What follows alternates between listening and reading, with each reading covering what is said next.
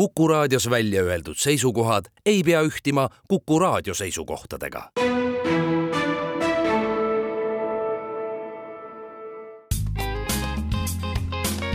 ärimeeter, põnevad vestlused kinnisvarast, majandusest, keskkonnast ja jätkusuutlikust arengust toob teieni Ülemiste City arendaja Tehnopolis Ülemiste tere tulemast kuulama raadiosaate Ärimeeter kuuendat osa. Täna räägime eestlaste lemmikteemast, elukondlikust kinnisvarast. ja selleks on meil külas äh, veteranid Tõnu Toompark ja Andres Aavik, tere mehed! tere! tere!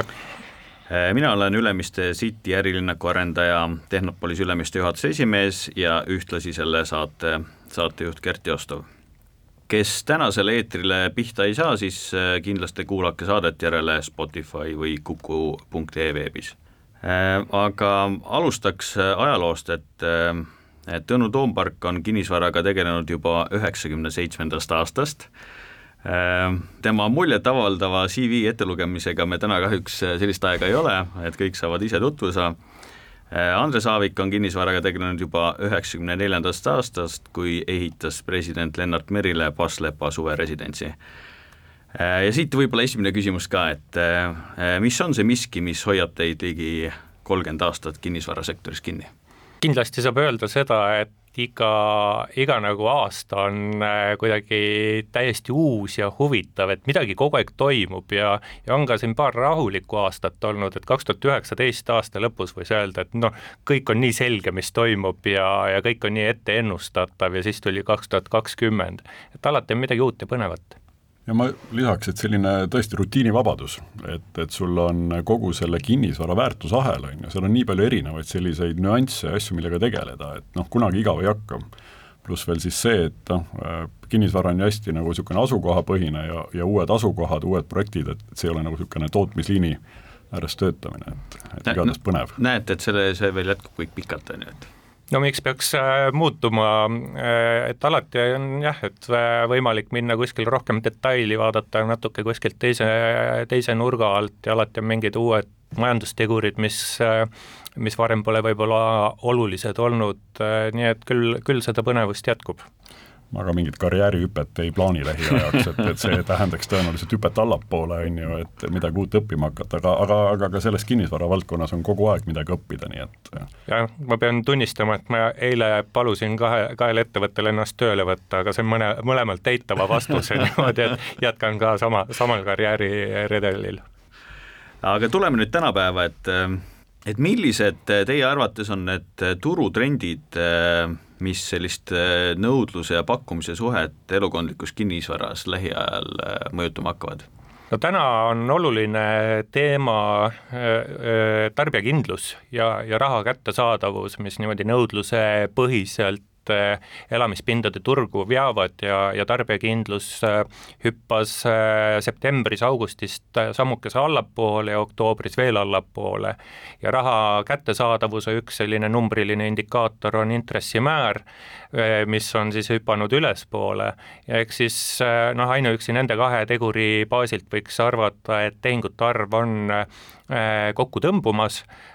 mõnevõrra seda on toimunud, kuigi noh, tänane tehingute arv on veel täiesti niisugune ajaloolise keskmise tasemel ja, ja võiks öelda, et järgmise aasta madalam tehingute arv, sealt tulenevad pikemad müügiperioodid ja sealt tulenev vajadus ettevõtetele kohaneda, et need on võib-olla niisugused mõned olulised märksõnad et täna püsib siis nii-öelda vanade võsside najal see kõik tänane tehingute arv noh, jah, et me saame alati tehingut lüüa kaheks, et ühed on siis äh, vahetud ostuotsused, mis, äh, mis tehingusse jõuavad järelturul äh, ja, ja siis teine asi on, et võib-olla aasta, võib-olla kaks aastat tagasi ostetud uus korter, mis nüüd ehituslikult valmis saab ja, ja tehingusse jõuab. uute korterite valmimine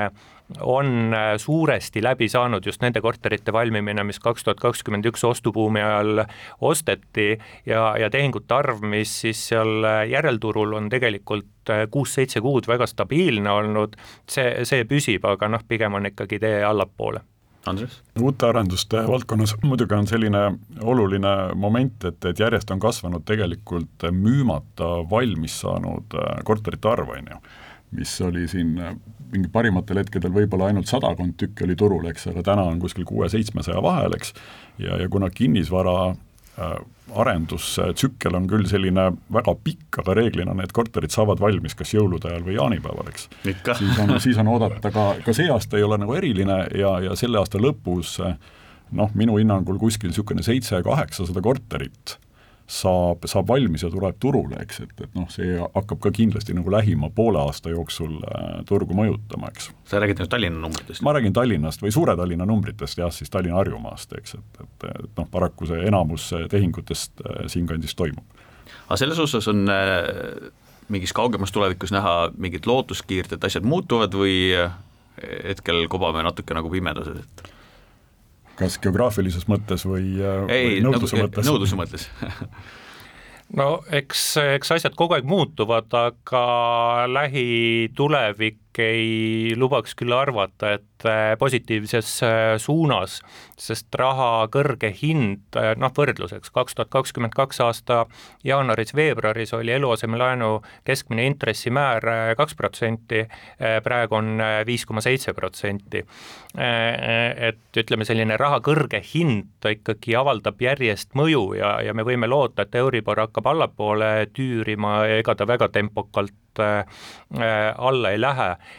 ja, ja ebakindlus, kas saaks kuidagi nüüd kiiresti laheneda olukorras, kus meil majandusprognoosid ütlevad pigem, et näiteks tööpuuduse määr on äh, suurenemas. Ja, ja, ja meil oli kõrge inflatsioon, mis teatud noh, sellise suure olulise muretegurina on kadunud, aga, aga nüüd me jõuame olukorda, kus sellise inflatsioonipeo järgne pohmelus tuleb ära ravida, sest kulud on mingites sektorites, ma räägin laialt majandusest, laialt inimeste pere-eelarvest, kulud on kasvanud, aga enam äh, tulud inflatsiooniliselt ei kasva, et nüüd tuleb kõrgemate kuludega hakkama saada. et noh, me, meil on ikkagi mõnda aega rohkem muresid, aga, aga ma ei tahaks nagu nüüd liiga pessimistlikuna ka tunduda, sest ega maailm ära ei lõppe, sellepärast et meil siin kinnisvaraturul või Eesti majanduses natuke raskuseid on ja, ja küll ta kunagi paremaks läheb, eks järgmiselt aastalt oodatakse ikkagi majanduskasvu taastumist, noh see on kogu aeg ajas edasi lükkunud, aga no ülejärgmiselt ikka. Ja, ja küll siis, küll siis äh, Kalev koju jõuab. Noh, nagu Tõnu mainis, et, et see turutrendi määravad nagu raha kättesaadavus ja, ja tarbijakindlus, eks, ja noh, kuigi see tarbijakindlus on täna madal, siis noh, minu tunnetus on selline, et, et kaks tuhat kaks tuhat kaheksa-üheksa, kui tööpuudus oli nagu päris kõrge, et siis tegelikult nagu see, see olukord oli hullem, eks ja, ja täna ju tööpuudus on nagu noh, ütleme, tööhõive näitajad on veel üllatavalt head kõik. aga, aga ma kardan, et ka lähima poole aasta jooksul see asi natukene muutub. Ja noh, tervikuna, kui sa küsid, et, et kas olukord muutub, et ega, ega kinnisvaraturg ei saa kuidagi majandusest nagu erinevalt liikuda, et kui meie majandus on siin juba ma ei tea, mitmendat kvartalit järjest langenud, kuuendat juba. Vot nii, et siis, et siis tegelikult äh, hakkab asi nagu ka kindlustunne paremaks minema siis ühel hetkel, kui, kui majandus äh, näitab nagu paranemise märke ja mm. ja tekivad uued töökohad ja jah, et rusikareegel on, et äh, majanduskasv jõuab tööjõuturule circa aastaga ja, ja tööjõuturu näitajate paranemine võiks siis ka omakorda mingi viitajaga alles kinnisvaraturule jõuda niimoodi, et et, et, et noh, niisugused positiivsemad trendid selgemalt, tugevamalt võiksid pigem äh, ülejärgmine aasta meile tulla, aga, aga veel kord, eks, et ega vahepeal ei saa maa, maailm otsa ja on meil raskemaidki aegu olnud. Jah, nagu on, et maailm ei saa otse võib-olla sealt sõna, sõnasabast kinni, et ega ja trendidel või ajaloolistel sündmustel on selline iseloomulik omadus korduda, et kas siis oskate te öelda, et kas see, kas see tänane olukord on siis kuidagi nagu ähm, ainulaadne või, või on mingeid paralleele võimalik tuua varasemate perioodidega? Eks meil niisugune majanduslangust ole ju varemgi olnud ja, ja kui ma vaatan äh, müügi, müügimahtusid, siis äh, uusarenduste turul sellised müügimahud, noh, ütleme viimase kaheteist kuuga on Tallinnas müüdud äh, seitsesada viiskümmend korterit, aga, aga siia sisse jäävad ka eelmise aasta väga depressiivsed november ja detsember mis sel aastal tõotavad ikkagi mõnevõrra paremat äh, äh, tulla, et siis samas mahus korterite müük oli näiteks kaks tuhat kümme aastal, mis oli kriisijärgne niisugune väga vaikse taastumise aasta, küll toona oli intressimäär oluliselt madalam, kui ta praegu on ja noh, toona oli selline kõige kehvem Äh, hetk majanduses, kinnisvaraturul selja taha jäänud? ma mõtleks, et ikkagi iga olukord on, on ainulaadne, et, et intressid on küll kõrgemad, kui, kui noored inimesed nüüd oma elu jooksul võib-olla näinud on või, või karjääri jooksul, aga, aga kui kerida ajas tagasi, siis nad ei ole üldsegi nii kõrged, nagu nad on olnud siin varasemate kriiside ajal, eks et, et mäletan ise, kui esimese arenduse ajal, kus sai võetud arenduslaenu eh, tollasest ühispangast siis ja, ja seda ei õnnestunud tagasi maksta, kuna lihtsalt kliente ei olnud, siis aga pank oli lahkesti nõus pikendama, siis olid lõpuks intressid seitseteist protsenti, eks. Et noh, mida me siin täna näeme kuskil mujal maailmas, eks. Mm. Et tänane ehituslaen, kinnisvaralaen on kuskilt circa seitsme, seitsme, kaheksa, üheksa protsendise intressimääraga no võrreldes USA-ga on ilmselt meil äh, päris suur vahe veel, et äh, noh, vaevalt Euroopa kunagi sinna jõuab, et äh, ilmselt majanduskeskkond vastu ei pea. aga head kuulajad, teeme saatesse siinkohal lühikese pausi. ärimeeter, põnevad vestlused kinnisvarast, majandusest, keskkonnast ja jätkusuutlikust arengust toob teieni Ülemiste City arendaja Tehnopolis Ülemiste ärimeetri saade on pausilt tagasi, meie tänase saate külalised on Tõnu Toompark äh, ning Andres Aavik, äh, mina olen saatejuht Gert Jostov ning tänase saate teemaks on elukondlik kinnisvara. aga jätkame siit, et, et kuidas teie arvates on tarbijate eelistused ja nõudmised erinevate majandustsüklite ajal muutunud elukondlikule kinnisvarale ja, ja kuidas arendajad peaksid sellega arvestama? Praegu, kui intressid on tõusnud, siis selgelt on tarbija muutunud hinnatundlikumaks. Ja, ja see ei puuduta ainult siis äh, kodu või toote lõpphinda, vaid ka pikaajalisi kulusid, eks, et jälgitakse kõike seda, mis, mis hiljem tuleb kinni maksta ja, ja noh, mitte siis niivõrd äh, seda energiamärgist, eks, millest on ka professionaalidel tihti raske aru saada, vaid tegelikult puhtalt neid kulusid, mis igakuiselt tuleb maksta, eks, ja ja eks selle tõukeks oli eelkõige siis aasta tagasi toimunud või natuke rohkem kui aasta tagasi toimunud suur äh, küttekulude hinnahüpe, eks, et et, et see on kindlasti üks pool, aga muidu tarbijad on kui uskuda Kantar Emori ühte uuringut, mida nad iga aasta teevad, siis äh, ikkagi hindavad äh, põhimõtteliselt samu asju, et, et head planeeringut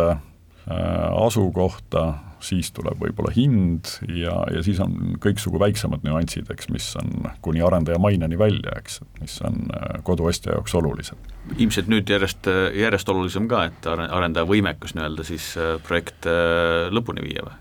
jah, eks, eks teadlikumad ostjad ikkagi vaatavad seda, et et kodul oleks garantii, et sellel garantiil oleks, oleks keegi, kes neid teemasid hoiab ja ka siis, kui see garantii aeg läbi saab, et tegelikult kui sul on mingi mure, et, et sul on kellegi poole pöörduda, eks, ja noh, ütleme, et et kui sa ostad kodu ja seal kodulehe peal ei ole muud kui noh, info ätt ja mingi firma nimi, siis, siis tõenäoliselt see ei, ei nagu kasvata väga palju niisugust usaldustunnet selline tarbija eelistuste mõõtmine, et see on nagu omaette esoteerika võib-olla mingis äh, mõttes, tarbijad võivad jah, panna igast eelistusi kuhugi äh, paberi peale kirja või ristikesi tähtsate tegurite juurde, aga aga mille eest nad päriselt pärast raha on äh, nõus välja käima, võib olla hoopis midagi erinevat. ja, ja, ja kui noh, me ja tarbija saab osta kinnisvaraturul seda kaupa, mida, mida pakutakse ja kui me vaatame näiteks viisteist, seitseteist aastat tagasi, siis kui suur oli kahetoaline normaalne tavapärane korter? Viiskümmend, viiskümmend viis ruutu võib-olla, tänane tavapärane kahetoaline korter on pigem nelikümmend viis ruutmeetrit ehk circa kümme ruutmeetrit väiksema pindalaga ja eks see kümme ruutmeetrit aitab arendajatel hinnakonkurentsis omavahel olla, aga see nüüd on kindlasti tarbija eelistus. või kui me vaatame, kuidas meil noh, pisut alla tuhande uue korteri pakkumise on Haabersti linnaosas, siis see ei tähenda seda, et kõik tallinlased tahaksid äh, kindlasti just Haaberstis elada, vaid lihtsalt seal on arenduskõlbulikku maad, mida kinnisvaraarendajatel on võimalik äh, turule tuua ja Lasnamäel on arenduskõlbuliku maaga oluliselt kitsam, mis sest, et Lasnamäel elab ligi veerand Tallinna elanikest ja võiks arvata, et seal on rohkematele projektidele turgu, kui seal pakkumisel sees on? jah, Lasnamäel tegelikult arenduskõlbulikku maad on, on päris palju, aga selle maa omand on, on, ei ole erakätes, vaid on munitsipaalmaad päris palju, et, et kuna Haabersti maad tagastati, siis need on jõudnud täna siis mm -hmm. nagu arendajate kätte ja ka üldplaneering tegelikult toetab äh, seal arendamist, nii et, et Haaberstis kindlasti on konkurents kõige suurem täna okei okay., aga ma mõtlen korra selle mõtte juurde, et, et korterid on väiksemaks läinud, et ma mäletan, mingi aeg tagasi oli just jutt, et nii-öelda jõuame Skandinaavia riikidele järgi, et, et seal on ruutmeetreid pereliikme kohta oluliselt rohkem, mälu järgi vist isegi pea viiskümmend protsenti rohkem kui Eestis keskmisena ma arvan, et su andmed on tõe, tõe lähedal, kui mitte siis absoluutne tõde. aga me ei, ei, me ei jõua järgi. Eesti inimene elab äh, korteris, äh, soomlane elab ühe pere elamus, noh, ütleme proportsioonid on soomlastel ühe pere elamute suunas ja, ja igal endast lugupidaval soomlasel on kuskil järve ääres väike mökki ka, kust pinda äh, juurde tuleb ja, ja miks Eesti inimesed elavad korteris, et aitäh Nõukogude Liidule, eks, kes meil siin äh, sellise, sellise elamufondi struktuuri on loonud aga parem arendajate vaates ka siis, et pigem siis nii-öelda väiksemate korterite suunas äh, liigume, et aitab siis nii-öelda inim-, inimese jaoks kompenseerida kiiresti kallinevat ruutmeetri hinda? No see on eelkõige kättesaadavuse küsimus, ma ütleks, et, et ka Soomes tegelikult, äh, kuna ma seda meediat vanast harjumusest jälgin, siis äh, oli mingil hetkel toodeti väga palju äh, väikseid ühikuid ja, ja tegelikult nüüd on hakanud siis targemad pead ja ka ülikoolid teinud uuringuid, et, et see on kasvatanud teatud probleemi, on ju. et nendele korteritele nagu sellist head tulevikku ei ole ja, ja, ja, ja meil samamoodi, et, et kui vahepeal oli ikkagi kõige populaarsem oli niisugune väikekorter, mikrokorter ja, ja võib-olla kahetoaline, siis eh, noh, viimasel ajal on elu näidanud, et ikkagi ka suuremate korterite järele on, on tugev nõudlus. see on natukene seotud ka meie demograafia olukorraga, sellepärast et et eh, koduostuturule nagu sisenejaid eh, on jäänud nüüd selgelt vähemaks, eks, et see kui nii-öelda kolmekümneste põlvkond äh, ja, ja see iibe kukkumine, mis oli siis üheksakümnendate algusest, see on pärale jõudnud. Ja, ja, ja ma ise näen küll, et järgmise nagu kümne aasta jooksul keskmine nagu koduostja või vahetaja on pigem natukene vanem inimene, et et aga mis, kui veel tarbija eelistustest rääkida, eks, et siis noh, on ka niisugused pisikesed nüansid, et kui Tõnu mainis siin korterite suurust ja, ja või nagu suunda siis väiksema korteri suunas ja, ja eelkõige siis nagu tõenäoliselt nagu hinnasurvest tulenevalt, siis ka sisemiselt on seal, et noh, tarbija eelistab selgelt, kui on valida, kas sauna või panipaiga vahel korterisse, et siis järjest vähem soovivad sauna ja, ja noh, kas see on nüüd seotud siis küttekuludega või millegi muuga, aga, aga tõesti, panipaikade olulisus on, on tõsine teema, eks, et, et noh, ega kui äh, koht, kus oma jalgratast hoida ja, ja, ja inimestel, kui me rikkamaks saame, on rohkem asju, mida on vaja kuskil hoida sõprade käest on äkki ära õpitud, et eh, nii-öelda ei ole mõtet saunas seda jalgratast hoida, nagu eh, paljud saunad ju on korterites sees, mis on tegelikult panipaigad või, või rattahoidjad. tunnistan süüdi. Just, ja tubade suuruse osas samuti, et ikkagi järjest rohkem liigume sinna suunas, et, et eh, elutuba peaks olema nagu avar, noh, kas ta on siis köök, elutuba, on ju, avaram ja suurem, kui ta oli võib-olla kakskümmend aastat tagasi või kümme aastat tagasi ja magamistoad võivad olla väiksemad, et, et noh, pere on pigem koos seal suures ruumis jah, mis on praegu hoopis näiteks üks vastupidine, kui ma käisin mingid aastad tagasi äh, Soomes ühel elamumessil, kus äh, mind pani just imestama näiteks, et magamistoad olid minu meelest kuidagi ebaproportsionaalselt suured ja elutoad ebaproportsionaalselt väiksed ja veel siis kuskilt mingi nišiga olid seal eraldatud pinnad, aga noh, see oli üks konkreetne siis niisugune elamumess, kus see mul silma jäi. aga, aga jah, et pigem, pigem ma, Andres, kiidaks sinu jutule takka. aga head kolleegid, mul järgmisena on selline küsimus, et et kus see, kus see elukondliku kinnisvara krahh on, et kõik ootavad äh, tugevat hindade kukkumist, tegelik on olnud seal võib-olla kümne protsendi kandis, et millal see, millal see siis kätte jõuab, et kõik hinnad pooleks kukuvad? selleks, et hinnad pooleks kukuks, oleks vaja mingit Äh, täiendavad välistegurid Eesti kinnisvaraturu sees selliseid põhjuseid ei ole ja, ja kui minna ajaloos tagasi, siis, siis näiteks kaks tuhat seitse aastal olid äh, kinnisvaraturu kokkukukkumise põhjused kinnisvaraturu enda sees, pluss siis välised tegurid aitasid kõik kaasa. aga, aga noh, et, et noh, mis need välised tegurid praegu võiks olla, et et, et võib-olla Hamas suunab järgmised raketid Eesti poole, aga no okei okay,, et võib-olla mitte siis Hamas, et kuskilt mujalt, kas on võimatu, et raketid siiapoole lendama hakkavad, noh, keegi vist nii ei arva. kinnisvaraturu, turul on hinnad allapoole tulnud, hinnatipp oli mitte nüüd küll selliseid päris keskmisi vaadates, aga kui nišidesse äh, turusegmentidesse sisse vaadata, siis äh, hinnad olid tipus eelmise aasta teises-kolmandas kvartalis, energiakriis ja tarbijakindluse sügaviku kukkumine tõid eelmise aasta neljandas, selle aasta esimeses kvartalis hinnad alla ja sellele siis järgnes mõningane taastumine ja, ja nüüd siis hinnad on liikunud eh, noh, mõeldes ka käes oleva jooksva kvartali peale, siis hinnad on no peaaegu stabiilsed olnud kuidas te seda edasitrendi eh, näete, et need suured unistused, ma saan aru, Tõnu pika monoloogi mõte oli see, et ei, ei maksa oodata, et see juhtuda võiks? Ütleme niimoodi, et ma teeks sama prognoosi, mida ma tegin äh, pool aastat tagasi kevadel, et hinnapõhi on ära olnud ja tõenäoliselt äh, poole aasta pärast hinnad on kõrgemal tasemel kui hinnapõhjas, aga siiski ei ole võimatu hindade mõningane allapoole tulemine ja, ja seda just siis äh, pärsitud nõudluse tõttu, et kui ikkagi ostjaid ei ole ja nagu ka Andres eelnevalt välja tõi, et kui turule tuleb vara, millel on surve, see saaks ära müüdud siis, siis surve hindadele on jätkuvalt tugev, aga võib-olla see ongi tegelikult normaalne turg, kus hinnad on kogu aeg mõnevõrra surve all Andres tahab kommenteerida no,. hindade pooleks kukkumist äh, sellisel kujul, nagu see oli kaks tuhat kaheksa, üheksa, noh, ma ütleks, et ei, ei, ei saa, kui nüüd välja jätta tõesti need Tõnu nimetatud välised tegurid, siis äh, seestpoolt vaadates ei, seda ei saa juhtuda, sest äh, et eraisikutel on lihtsalt nii palju äh, vaba raha täna kontodel. Ja me ise näeme seda, et kui nüüd äh, noh, nimetame seda siis kampaaniaks, eks, et, et noh, ütleme, kui natukene seda hinda reguleerida, eks, mingi kampaania raames, siis tegelikult ostjad jälgivad päris ilusasti turgu ja, ja tulevad, eks, et et olgu need siis need, kes reaalselt tahavad endale kodu osta, või siis ka need, kes pikaajaliselt vaatavad täna investeeringuks, eks, et, et ikkagi natukene ennast selle inflatsiooni vastu kaitsta. aga head kuulajad, teeme saatesse siinkohal teise pausi. ärimeeter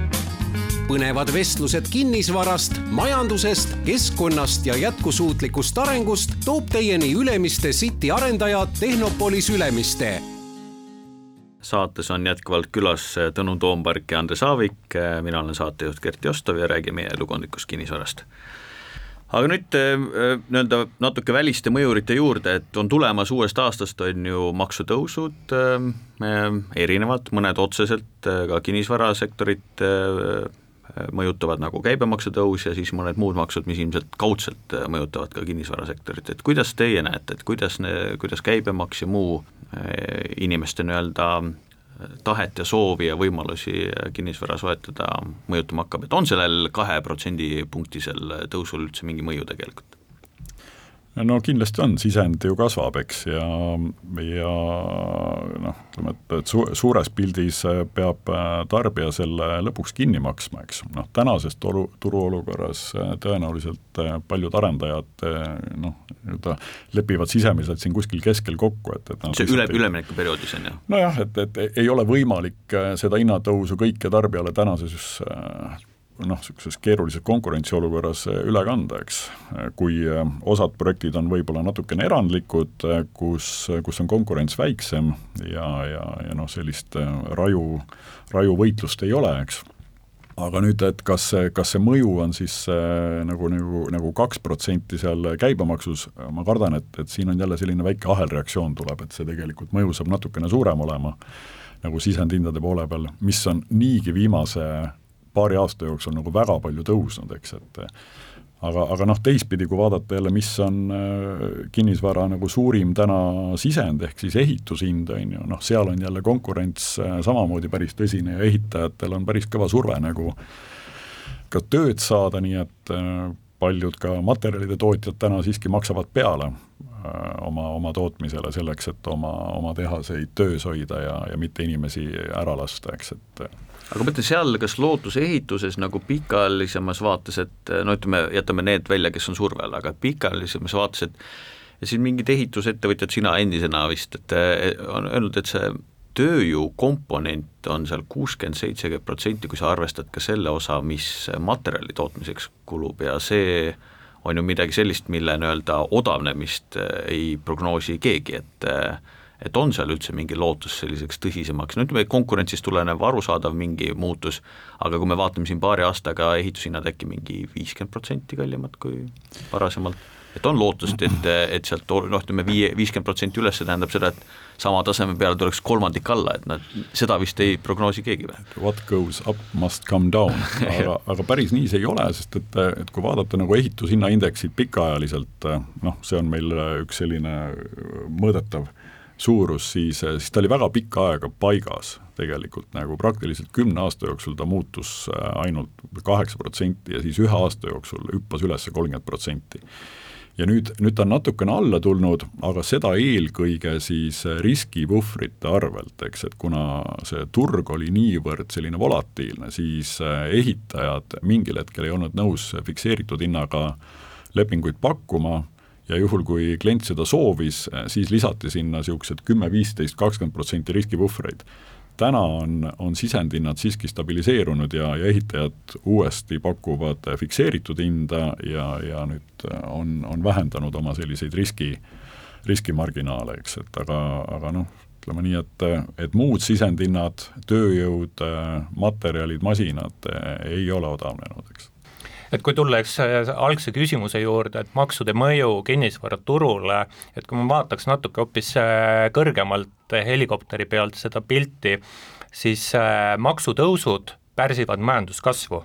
ja meie majanduskasv on praegu miinuses. niimoodi, et äh, maksud noh, siin ei ole millegi üle vaielda, maksude tõus lükkab majanduskasvu taastumist edasi ja na-, nagu me saate esimeses äh, osas tõdesime, siis majandus- ja kinnisvaraturg käivad käsikäes, siis selline kinnisvaraturu taastumine, eelkõige ma pean silmas just tehingute arvu äh, stabiliseerumist, et tehingute arv alla ei läheks, siis see lükkub ajas äh, paraku äh, edasi. Ja see, see ei ole hea, eks, et see, et ma, ma ei räägi siin ainult kinnisvaraturu vaatest, vaid ma, majanduse üldisest vaatest ja siis eks majanduskasvu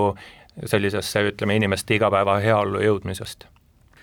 Maksud tõusevad, see on paratamatus, sellest saime aru, et aga kas sellises olukorras, et kas on olemas mingit teatud tüüpi elukondlikku kinnisvara, äh, mis on ähm, ütleme, rohkem vastupidavam siis äh, majanduslanguste ja intressimäärade suhtes, et äh, on midagi sellist välja tuua, et on, on mingit, mingi osa sellisest elukondlikust kinnisvarast, äh, mis saab nagu paremini hakkama või no mis on siis vähem volatiilne ilmselt, on ju? no kui me vaatame elamispindade turgu,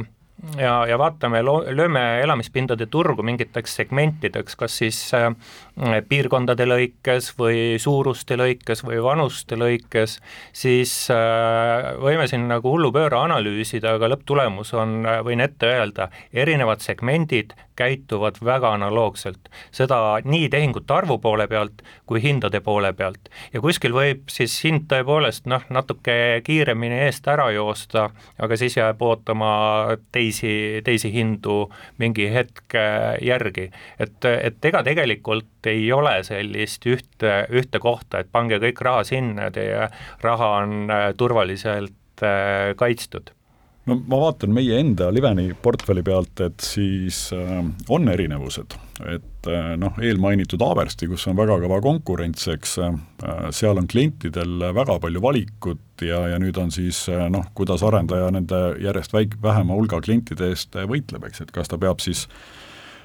tooma välja oma selliseid plusse, mida teistel ei ole, või siis tegema hinnakirjas miinuseid, eks noh, seal on nagu selline lihtne valik, eks. nüüd äh, on, on ka selliseid kohti siiski Tallinnas, kus see konkurents on, on väga väike või praktiliselt olematu, noh sellised ainulaadsed kohad, eks, kas sul on siis äh, äh mingi super asukoht, noh nii-öelda, et näiteks on, oleks Raekoja platsi ääres üks vaba krunt, eks, noh siis, siis äh, rohkem selliseid projekte ei ole, eks, et noh, või või on sul näiteks äh, selline merevaatega krunt, eks, mida teistel pakkuda ei ole ja mida ei tule ka tõenäoliselt, kui sa Tallinna kaarti vaatad, eks, et et siis ostjad tajuvad selle täna ära, et tõepoolest see on ainulaadne kaup ja, ja seal on, on järjekorrad, me ise täna näeme seda. Et, et ega linnad, Tallinnas tegelikult on väga palju veel arend-, noh, võrreldes Põhja-Euroopa näiteks pealinnadega, siis niisugust arenduskõlbulikku maad on väga palju ja mere ääres ka väga palju. ja mere ääres ka, aga noh, see, see on jällegi sellises noh, nagu huvitavas omandis, eks, et, et mis on nagu linnamaa ja mis on siis riigi või Tallinna sadamamaa ja kuidas ta kunagi käibele jõuab, see on kõik nagu ebaselge, eks. pluss veel noh, kui seda teemat edasi arendada, siis veel jõuame otsaga sinna meie planeerimisprobleemide juurde, et noh, et, et, et ta võiks ju jõuda nagu ka kiiremini, aga noh, et, et siin on nagu ka niisugused bürokraatlikud ja menetluslikud takistused, eks, et võib-olla järgmise küsimuse suunatud rohkem äh, äh, Tõnule, et et milliseid mõõdikuid tuleb äh, praeguse turu mõistmiseks ja elukondliku kinnisvara tulevikutrendide kohta prognooside tegemiseks jälgida? Et sellest paremini aru saada? jaa, eks mõõdi-, mõõdikuid ole mul, mul ole üks, üksjagu palju, et mul on no ütleme, mingi circa viissada andmegraafikut, mida ma jälgin, aga selgelt kuskil on mingid olulisemad, aga tehingute arv, tehingute arv on nagu läbi aja kõige olulisem turuindikaator, tehingute arvu vähenemine näitab nõudluse vähenemist, survet hindadele, tehingute arvu suurenemine näitab nõudluse suurenemist ja kuivõrd pakkumist kiiresti enamasti suurendada ei ole võimalik, siis eh, tehingute arvu suurenemine näitab potentsiaali eh, hinnatõusuks. aga mis siis tehingute arvu mõjutab, siis noh, miks mitte jääda tarbijakindluse ja, ja raha kättesaadavuse, see on siis äh, intressimäärad äh,, laenukäibed äh, juurde, aga, aga siin kõrval siis tööpuuduse määr, mis on oluline tarbijakindlust mõjutav tegur, palgakasv palgakasv, mis võiks olla niisugune näitaja, mis on pikaajaliselt seotud kinnisvara kallinemise määraga, niimoodi enam-vähem kuskil käsikäes nad võiks käia ma ütleks ka Eesti vaates, et äh, tööpuudus ja, ja suuremas Euroopa vaates inflatsioon kindlasti, et äh, mille järgi siis äh, Keskpank kujundab oma intressipoliitikat, eks, et kui me saame inflatsiooni nagu Euroopas kontrolli alla, eks siis on oodata ka intresside alandamist. väga hea, me oleme siin igas saates eeldanud, et meil on jube palju valitsuse tasemel kuulajaid, et eeldame seekord ka, et missugust soovitust te kinnisvarasektori arendamiseks neile täna jagaksite? Öelda pole nagu midagi, ma teeks seda äh, pettunud jalgpalluri liigutust, kes käsi laiutab ja vaatab nagu arusaamatu pilguga valitsusele otsa jah, kas kinnisvara kontekstis või nagu üldisemalt, ma ütlen, et päris, päris hea on see, kui sinu sõnad ja teod lähevad kokku. et äh, noh, ettevõtluses üldiselt seda nagu hinnatakse, eks, ja, ja noh, mida veel ettevõtluses hinnatakse, on äh, noh, kui sa teed vea, siis tunnistad seda, eks, et, et noh, ma arvan, et see on üks asi, mida ma olen nagu imestanud, et meie poliitikud nagu ei, ei suuda seda ära õppida või peavad seda pigem nõrkuse kui tugevuse märgiks, eks, et ja külalised, väga head soovitused, aga head kuulajad, meie saade on tänaseks äh, läbi saanud, Ärimeetri saate poolt tänan äh, Tõnu Toomparki ja Andres Aavikut, aitäh teile, äh, mina olin saatejuht Gert Jostov ja kuulajate kohtume juba õige pea, aitäh! ärimeeter. Põnevad vestlused kinnisvarast, majandusest, keskkonnast ja jätkusuutlikust arengust toob teieni Ülemiste City arendaja Tehnopolis Ülemiste